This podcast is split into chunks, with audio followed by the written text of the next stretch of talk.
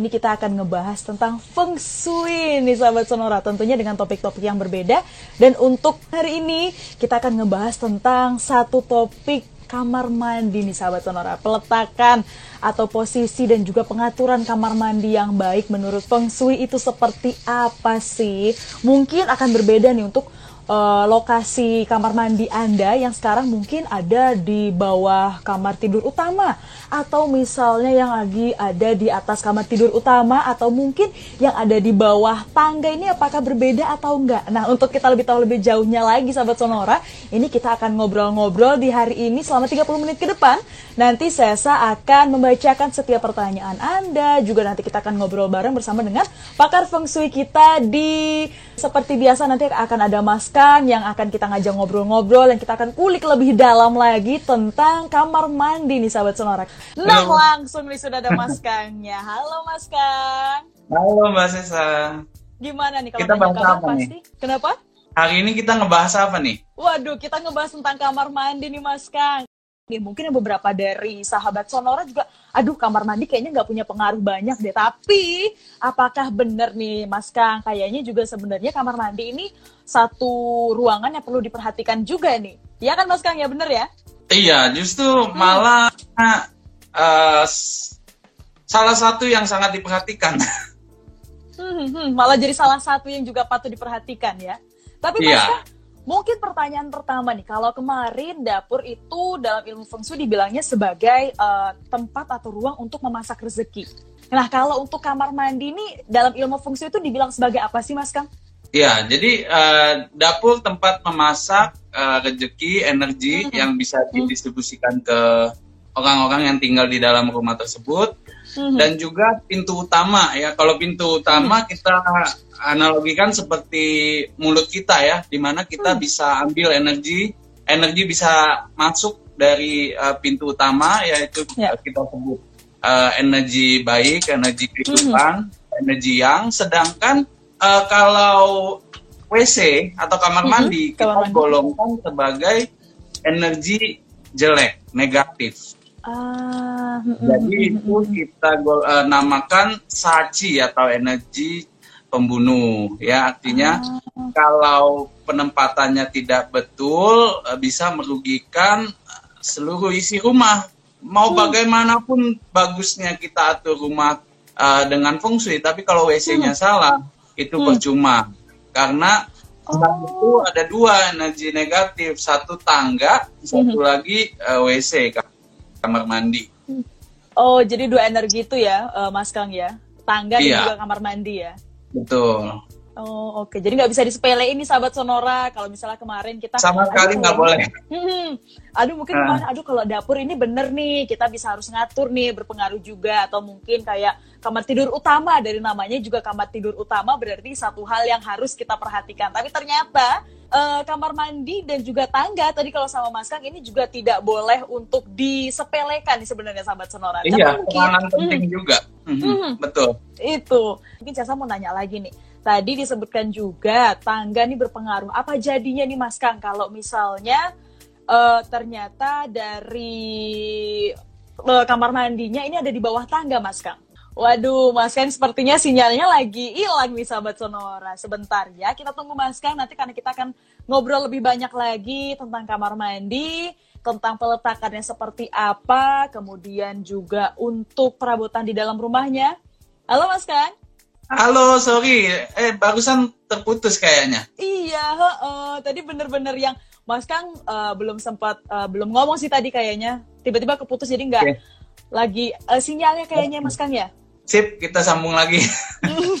Oke, okay. lanjut nih Mas Kang. Untuk lokasi, uh. untuk lokasi dari kamar mandi di dalam rumah ini bagusnya di mana sih? Oke, okay. lokasi. Nah, kalau uh, kita sebut pintu utama sebagai mulut, ya, Hmm. Kalau WC itu kita anggap sebagai pembuangan, tempat pembuangan kita. Ya, jadi okay. uh, sewajarnya WC itu letaknya jauh di belakang. Oh, oke. Okay. Mm-hmm, mm-hmm. Ya, dengan uh, kita secara umum aja ya uh, peletakannya. Mm-hmm. Jadi idealnya paling belakang. Nah, tapi mm. kalau kita sudah bisa menghitung uh, unsur dan uh, 8 arah mata angin, maka kita bisa tahu secara pribadi WC kita letaknya di mana. Jadi nggak selalu melulu di belakang, karena kalau kita bisa tentukan di mana area negatif kita, maka kita bisa uh, tekan energi negatif itu di posisi yang tepat. Ya, jadi uh, oh. kalau belum ada hitungannya, saya bisa saranin harus hmm. di bagian belakang rumah. Hmm, hmm, hmm. Oke. Okay. Nah, yang pantang, yang pantang itu kalau WC ada di tengah atau di depan rumah. Ya, jadi uh, kalau WC di depan rumah itu di mana uh, kita mau rezeki atau energi baik masuk itu malah dikacaukan dengan energi negatif yang ada di WC. Ya.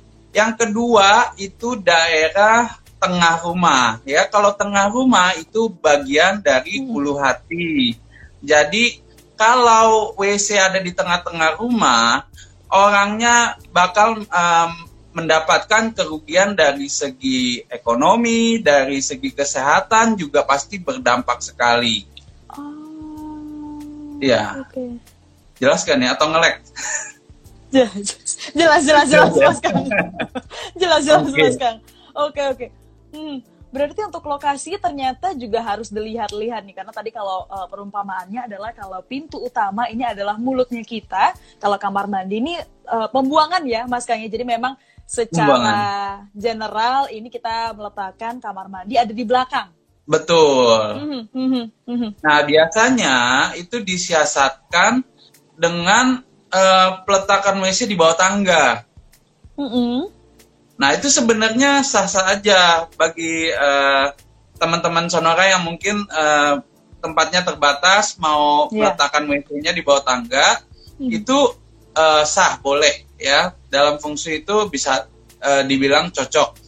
Tapi harus perhatikan sirkulasi dari WC tersebut jangan sampai sirkulasinya mandek. Nah, jadi uh, energi jeleknya berkutat di situ terus. Hmm, Oke. Okay banyak-banyak sekali. Sama seperti ruangan uh, di dalam rumah yang lainnya sahabat sonora. Tapi ternyata kamar mandi ini juga banyak sekali hitung-hitungannya. Ya Mas Kang ya kalau tadi dengar dari penjelasan Mas Kang ini harus seperti ini. Tapi kita lihat juga nih dari yang lain dan segala macamnya. Itu tadi untuk lokasi nih Mas Kang. Kalau ah. misalnya kita beralih lagi nih kita ada di dalam uh, ruangan kamar mandinya. Sebenarnya untuk uh, perabotan atau misalnya dekorasi atau uh, peletakan mm -hmm. apa pun segala macam di dalam kamar mandi itu apa aja sih yang sebenarnya harus diperhatikan oleh sahabat Sonora ini? Oke, di WC sih udah pasti ya nggak Wah, Mas Kang, sinyalnya lagi naik turun nih sepertinya ya, sahabat Sonora dari tadi uh, gangguan sepertinya ini, Mas Kang. Nanti kita akan coba lagi nih sambil kita nunggu Mas Kang untuk reconnect lagi. Nah, Mas Kang sudah kembali lagi. Gimana nih Mas Kang? Sinyalnya lagi naik turun ini ya? Udah, udah bagus. udah bagus sekarang ya Mas Kang ya? Bagusnya sih udah. kita lanjut nih Mas Kang. Tadi okay. terkait dengan perabotan ataupun dekorasi uh, yang uh, yang perlu diperhatikan oleh sahabat sonora di dalam kamar mandi ini seperti apa? Iya, eh, kalau perabotannya udah nggak mungkin lepas dari kloset ya mm -mm. atau cermin ya. Mm-hmm. ini dua pasti ada. Nah mm yang harus diperhatikan dari kloset adalah itu jangan sampai posisi kloset dia menghadap berhadap um, menghadap ke jalan atau mm membelakangi jalan utama daripada pintu utama. Oh. ya jadi uh, itu termasuk pantangan ya. Karena uh, kalau kloset itu kita uh, sebutnya adalah balik lagi sama energi negatif yang harus peletakannya itu ditata supaya dia tidak langsung mengarah ke pintu keluar. Ya karena uh, kita mau sirkulasinya di uh, eh, WC atau kamar mandi bisa baik maka uh, peletakannya itu nggak boleh langsung. Pas buka pintu harus menyamping kiri atau ke kanan. Ya kalau berhadapan langsung dengan pintu masuk atau pintu WC hmm. itu dia akan uh, bertentangan dengan energi yang mau masuk. Nah, maka itu juga banyak uh, yang uh, menyarankan cermin pun jangan berhadapan ke depan, berhadap ke pintu masuk. Nah, itu juga karena cermin sifatnya pun menolak, ya. Uh, jadi kalau energi yang mau masuk ke dalam uh, satu ruangan hmm. atau WC ya kita sedang bicarakan WC, maka energi yang jelek itu bakal eh, bergabung dengan energi baik. Jadi akan terjadi resistensi. Jadi nggak ada nggak ada solusinya di situ. Harus dipindahkan cerminnya. Hmm. Seperti itu. Oh itu untuk uh, mengakalinya ya Mas Kang ya? Mengakalinya. Untuk mengakalinya. Hmm, hmm, hmm, Memang berarti ada beberapa perabotan juga atau dekorasi di dalamnya juga. Tapi sebenarnya uh, itu tadi untuk cermin berarti memang harus uh, ada atau enggak nih Mas Kang sebenarnya kalau di dalam kamar mandi? Iya nggak harus sih. Mm-hmm. Ya jadi cermin itu karena tuntutan uh, lifestyle sekarang maka mm-hmm. uh, WC diharuskan ada cermin. Seperti mm-hmm. juga uh, di kamar tidur harus ada WC gitu. Hmm. Padahal kan nggak harus. Ah, nah untuk iya, iya. waktu itu juga kita udah sempat bahas bahwa WC sebaiknya Wah, dari kamar mas, kan tidur masih tersebut. ini lagi sinyalnya nih sahabat Sonora. Jadi agak sedikit terganggu nih. Halo, balik lagi. Halo Mas Kang, balik lagi sudah balik lagi Mas Kang. Tadi sempat hilang lagi nih Mas Kang. Iya iya iya. Ya jadi uh, ini lagi energi kita lagi nggak baik apa gimana nih Mas Kang? Ini wifi-nya lagi nggak baik. wifi-nya lagi yang nggak baik. Silakan lanjut Mas Kang. Ya, ya tadi kita bicarakan WC yang ada di dalam kamar mandi ya. Jadi kalau uh, bisa itu WC-nya diletakkan di pojok dari kamar tidur. Jangan sampai uh, sudutnya pun uh, menghujam ke ranjang. Hmm. Gitu. Oke, itu tadi untuk uh, cermin. Jadi sebenarnya untuk cermin itu tidak kalau nggak ada juga nggak apa-apa sebenarnya. Cuman kalau tadi katanya Mas kan lifestyle-nya sahabat Sonora sekarang sudah seperti itu. Jadi memang kalau untuk anda yang punya uh, cermin di dalam kamar mandi silahkan diatur sesuai dengan tadi yang sudah Mas Kang share juga ya di uh, Instagram yeah. live sore ini. Dan kita lanjut lagi nih Mas Kang pertanyaannya mungkin yeah. ya. Ini untuk uh, kamar mandi mungkin yang sudah terlanjur dibangun nih, memini, uh, cara meminimalisasinya tadi mungkin uh, dengan cermin. Tapi apakah untuk lokasi yang di tengah gitu? Kalau tadi kalau misalnya memang mau di tengah, caranya adalah di bawah tangga gitu ya Mas yeah. Kang ya. Mungkin ada lokasinya udah dibangun banget Itu itu gimana nih Mas Kang? Yang memang ternyata energinya akan jelek banget nih, nggak baik banget nih. Itu meminimalisasinya gimana? Iya, kita bisa uh, netralisirnya dengan cahaya ya hmm. dengan sirkulasi dan dengan cahaya. Jadi uh, biasanya kalau posisi WC tersebut sudah salah, hmm. uh, kita letakkan uh, lampu uh, supaya cahaya di WC tersebut itu tercukupi. Jadi hmm. kalau bisa sih kalau memang uh, fatal itu dinyalakan 24 jam. Jangan sampai ada waktu di mana uh, lampu tersebut mati. Uh, okay. gitu. Atau uh, cara kedua ya dengan membuat sirkulasi yang lebih baik. Hmm. Ya ini juga termasuk uh, kalau WC-nya itu di atasnya kamar tidur. Jadi hmm. ada WC di lantai satu, atasnya itu kamar tidur. Ya jadi uh, kayak gitu sebenarnya um, ada yang bilang boleh, ada yang tidak uh, bilang boleh. Jadi itu sebenarnya cuman cara bagaimana kita supaya energi yang jelek itu bisa tersirkulasi dan keluar dari uh, rumah tersebut dengan baik gitu. Tapi kalau mengendap dan dia mengarah naik ke atas uh, kamar tidur yang di lantai dua, ya pasti orangnya merasakan energi jelek dan sakit-sakitan. Hmm, berarti efeknya adalah uh, energi, uh, efek dari energi jelek itu mungkin sakit-sakitan tadi ya Mas Kang ya, seperti yang Mas Kang bilang. Hmm. Sakit, males, hmm. ya. Oh, uh, males ternyata bisa pengaruh dari ini juga ya Mas Kang ya, dari energi jelek juga ya Mas Kang ya? Iya, karena energi yang energi positif hmm. itu dia pasti aktif, dia akan mengajak uh, orang yang di rumah tersebut untuk produktif. Oke oke gitu. oke ternyata. Nah kebaliknya kalau kita kena energi negatif ya ya pasti sudah bisa kita rasakan nih orang hmm. kenapa malas banget nggak mau gerak hmm. ya mager diem aja nggak ada motivasi ya itu bahan uh, peletakan WC hmm. Nah, mungkin untuk Anda sahabat Sonora yang sekarang aduh lagi mager nih bukan karena dari personal Anda, coba mungkin dicek lagi deh kamar mandinya kalau katanya Mas Kang. Ini ada nah. pengaruhnya juga nih, males, mager itu ada pengaruhnya juga dari kamar mandi. Ya. Ini mungkin dicek lagi nih udah sesuai belum ya sama uh, uh, sarannya dari Mas Kang kalau belum coba deh mulai dipindah. Tapi Mas Kang, ini ada satu pertanyaan nih dari sahabat Sonora nih yang juga sudah okay. uh, bertanya ini dari Queen Flava. Kalau kamar mm -hmm. mandi ada di bawah kamar tidur. Jadi benar-benar harus dipindahkah, Mas? Dinding kamar mandi pembantu sebelahan sama dapur. Apakah kamar mandi juga harus dipindah nih? Oh, saya jawab dulu pertanyaan yang pertama. Tadi berarti mm -hmm. ada WC uh, yang bawahnya kamar tidur.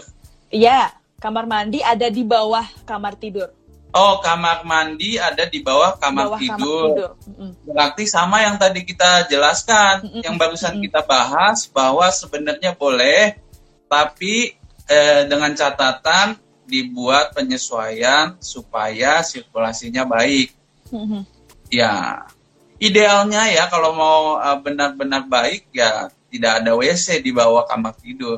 Jadi kalau di bawah kamar tidur, eh, mungkin ini out of context nih Mas Kanto. Jadi kalau di bawah kamar tidur ini sebenarnya bagusnya apa sih? Di bawah kamar tidur itu bisa kita manfaatkan sebagai ruang belajar, ruang hmm. makan, ruang hmm. keluarga, ruang entertainment, ya banyak sekali, ruang fitness. Hmm. Ya, cuman balik lagi ke individunya, apa yang dibutuhkan di dalam rumah tersebut. Jadi kalau kita uh, bicara uh, apa penyesuaian itu benar-benar harus lihat pribadinya, lihat karakternya. Tapi kalau lokasi, lokasi itu bisa dipakai untuk yang tadi saya sebutin banyak. Banyak banyak. Jadi di bawah kamar tidur ya. bisa banyak selain WC pastinya ya Mas. Ya? Selain WC ya. Hmm. Ya jadi WC oh. itu makanya saya bilang susah-susah gampang ngatur uh, setiap kamar uh, tidur sekarang pun membutuhkan WC gitu. bener, bener, bener, bener, bener. Ya. Salah-salah dikit, energi jeleknya kita jadi mager. Mungkin nah, alasan itu. kenapa saya, saya jadi mageran karena WC juga kali ya Mas Kang ya. nanti di rumah dicek lagi. kalau enggak nanti WC-nya ngambek kalau. Karena ternyata berpengaruh kalau katanya Mas Kang. Oke, yang kedua Mas Kang ini masih pertanyaan yang sama dari Queen Flava tadi kan. Dinding kamar mandi pembantu ini sebelahan sama dapur. Apakah kamar mandi ini juga harus dipindah? Ya, kalau uh, sebelahan dengan uh, dapur, dindingnya dapur. itu mesti lihat uh, dindingnya berarti sharing nggak sama kompornya. Hmm. Kalau cuma hmm. uh, dia kan bisa beberapa bentuk ya, entah L atau entah U uh, bentuk dari dapur dan WC tersebut. Nah kita mesti lihat di mana uh, pasnya klosetnya itu berada. Ya tapi kalau masih di belakang uh, dari dapur tersebut dan beda hmm. ruangan itu nggak masalah. Yang masalah benar-benar itu kalau berhadap-hadapan dengan kompor. Hmm, beda elemen gitu ya Mas Kang ya? Atau gimana nih? Main elemen-elemen juga nggak sih kalau untuk kamar mandi ini Mas Kang? Um, ya, memang harus dihitung juga per elemen. Tapi kalau hmm. secara umum dapur berhadapan dengan WC itu pun sudah jelek Hmm, oke oke oke. Ya, jadi itu kalau tadi. belum sempat bongkar, silahkan pakai solusi yang saya tadi bilang. Dinyalakan lampunya 24 jam nonstop. Oke, itu itu itu tadi saran dari Mas Kang. Caranya adalah lampunya ya Mas Kang. Kita berarti mainan lampu cahaya tadi kalau katanya Mas Kang. Betul. It, itu tadi kemudian masih dari yang sama nih Mas Kang Queen Flava juga mm -hmm. nanya nih Mas Kang satu lagi Berarti di lantai satu ini tanpa kamar mandi, it's fine ya? Fine-fine aja, nggak masalah. Ya, sesuai kebutuhan, kalaupun ternyata butuh kamar mandi, itu harus dihitung di bagian mana ada kamar mandi. Tapi kalau ternyata lantai satu nggak butuh kamar mandi pun tidak masalah. Nggak masalah. Oh, ya, okay. yang nggak boleh itu nggak ada tangga. Oh, Karena nanti nggak bisa uh -huh. naik kedua. nanti nggak bisa naik ke, ke lantai kedua Wah, susah. Bener banget Mas Kang. bener banget. Nggak salah sih Mas Kang. Mas Kang nggak salah bener-bener. kita uh, lanjut lagi nih Mas Kang. Kita yeah. lanjut dulu nih Mas Kang. Nanti kita bercanda okay. lagi di belakang ya. Okay. Ini ada satu pertanyaan dari Anita Felicia W. Selamat sore, ini sektor yang baik untuk WC di mana ya? Mau tanya untuk Anita, ini sekalian ngasih tanggal lahir juga nih Mas Kang. Oke. Okay. Di tanggal 17 bulan mm -hmm. 2 tahun bulan 2. 1994. 1994. Mm -mm. Jam lahirnya saya hitung langsung aja ya. Jam lahirnya 13 hmm. lewat 5. Oh, oke. Okay. Mm -hmm. Mm -hmm. Itu tadi ya. uh, bertanya untuk sektor yang baik untuk WC di mana sama cocoknya pakai warna apa nih? Ditanya Mas Kang.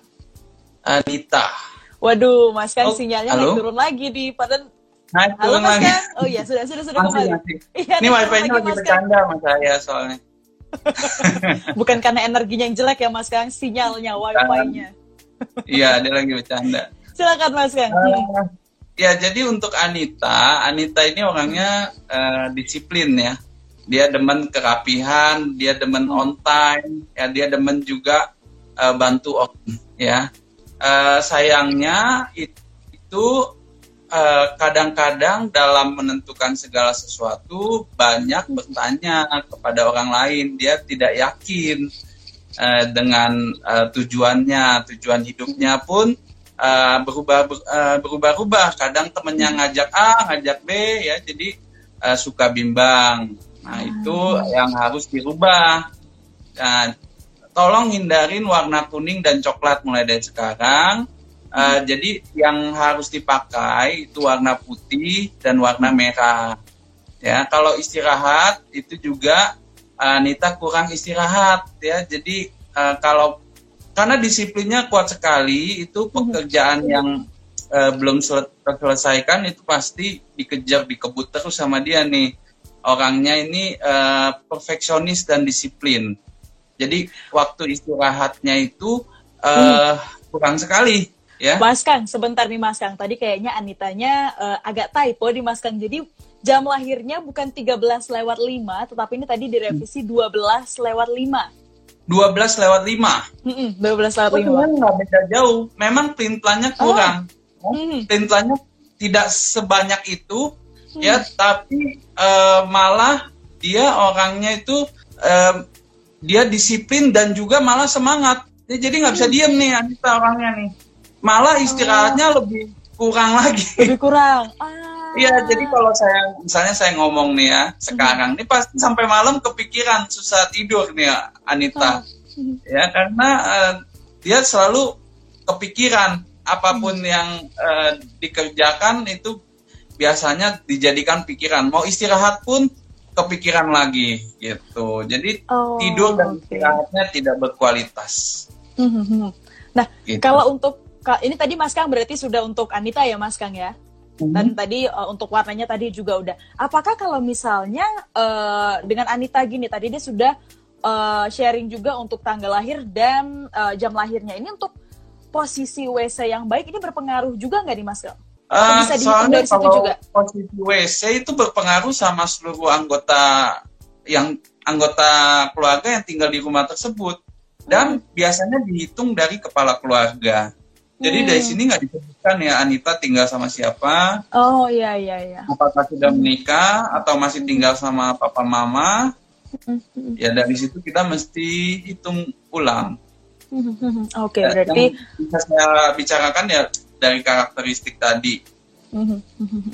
Berarti memang uh, sama halnya juga dengan kamar tidur utama ya Mas Kang ya yang beberapa minggu lalu juga sempat kita bahas untuk uh, penghitungan lokasi yang baik atau enggaknya ini dilihat dari uh, kepala keluarganya ya Mas Kang ya benar? Betul. Jadi kalau hmm. posisi kamar tidur itu uh, memang ada tempat umumnya ya hmm. uh, maksudnya umumnya itu letak kamar tidur ada di mana kita bisa kasih hmm. tahu. Hmm. Uh, cuman uh, hitungan fungsi itu lebih paten kalau dihitung secara pribadi. Jadi kita bisa tentukan kelemahan uh, dan kelebihannya kita buatkan seimbang di tempat kamar tidur yang tepat. Oke, itu itu tadi saran dari Mas Kang. Ada lagi Mas Kang yang mau disampaikan untuk Anita? Uh, cukup cukup ya yeah. karena kayaknya banyak yang harus ditanya lagi harus dijawab lagi ya mas Kang tapi terima kasih nih untuk Anita minum air yang banyak buat Anita hmm. ya uh, ginjalnya okay. kurang baik ya jadi minum air yang cukup dan uh, obat-obatan keras hmm. yang terlalu keras, yang kimia itu dihindari dulu. Jadi kalau sakit coba pakai obat tradisional terlebih dahulu. Hmm. Oke, itu tadi saran dari Mas Kang. Terima kasih untuk Anita. Dan ini ada satu pertanyaan juga dari Rini underscore Fier Jesse. Ini tadi nanya sebenarnya sudah dijawab sama Mas Kang sih. Kalau kamar mandi berseberangan dengan dapur bagus atau tidak? Jadi jawabannya tidak ya Mas Kang ya? Iya, tidak. Mm -hmm, mm -hmm, mm -hmm. Oke. Kemudian mungkin yang terakhir ini Mas Kang ya, kalau misalnya tadi kita sudah ngomong tentang uh, lokasinya, kemudian juga untuk perabotan di dalamnya tuh seperti apa penyusunannya, untuk cara meminimalisasinya itu seperti apa. Warna nih Mas Kang, cat untuk di dalam kamar mandi ini seberapa besar sih pengaruhnya? Apakah harus diperhatikan juga atau sebenarnya ya sudah warna biru mungkin atau warna putih juga nggak masalah itu gimana Mas Kang? Iya, jadi kita mau ada warna terang dan bersih di mm-hmm. dalam kamar mandi. Jadi mm-hmm. uh, putih aja sebenarnya sudah cukup. Mm-hmm. Oh, berarti warna putih itu fine ya Mas Kang ya, nggak apa-apa ya? Fine, iya. Mm-hmm. Ya, jadi oh. uh, justru yang gelap itu yang uh, susah, uh, apanya? ngebersihinnya susah, ya perawatannya susah, dinyalain lampu susah, juga nggak terang, ya jadi uh, itulah serba salah. Jadi Serba lebih baik lagi, warna yang terang. Terang. Sama okay, warna berarti. putih. Warna putih berarti disarankan sama Mas ya. Kang warna putih, warna-warna terang karena kalau warna-warna gelap mungkin susah bersihinnya sama susah mungkin ini Mas Kang kalau nyari sabun kali ya. Kan gelap ya Mas Kang nggak kelihatan. Iya. Nggak kepikiran. Bisa nggak kepikiran. itu tadi Mas Kang, ini kita tadi sudah ngomongin okay. tentang pengaturan kamar mandi yang baik dan terima kasih banget untuk Mas yang sudah sharing-sharing ke sahabat Sonora ya. Terima kasih juga yang sudah bergabung, yang juga tadi sudah nanya ada beberapa pertanyaan juga uh, ke Mas Kang sudah dijawab langsung sama Mas Kang. Minggu depan kita ketemu lagi Mas Kang. Siap. Mas, Mas Kang, terima kasih Mas Kang. Minggu depan ya. lagi ya. Ya. Saya pamit ya, kita ketemu minggu depan. Bye.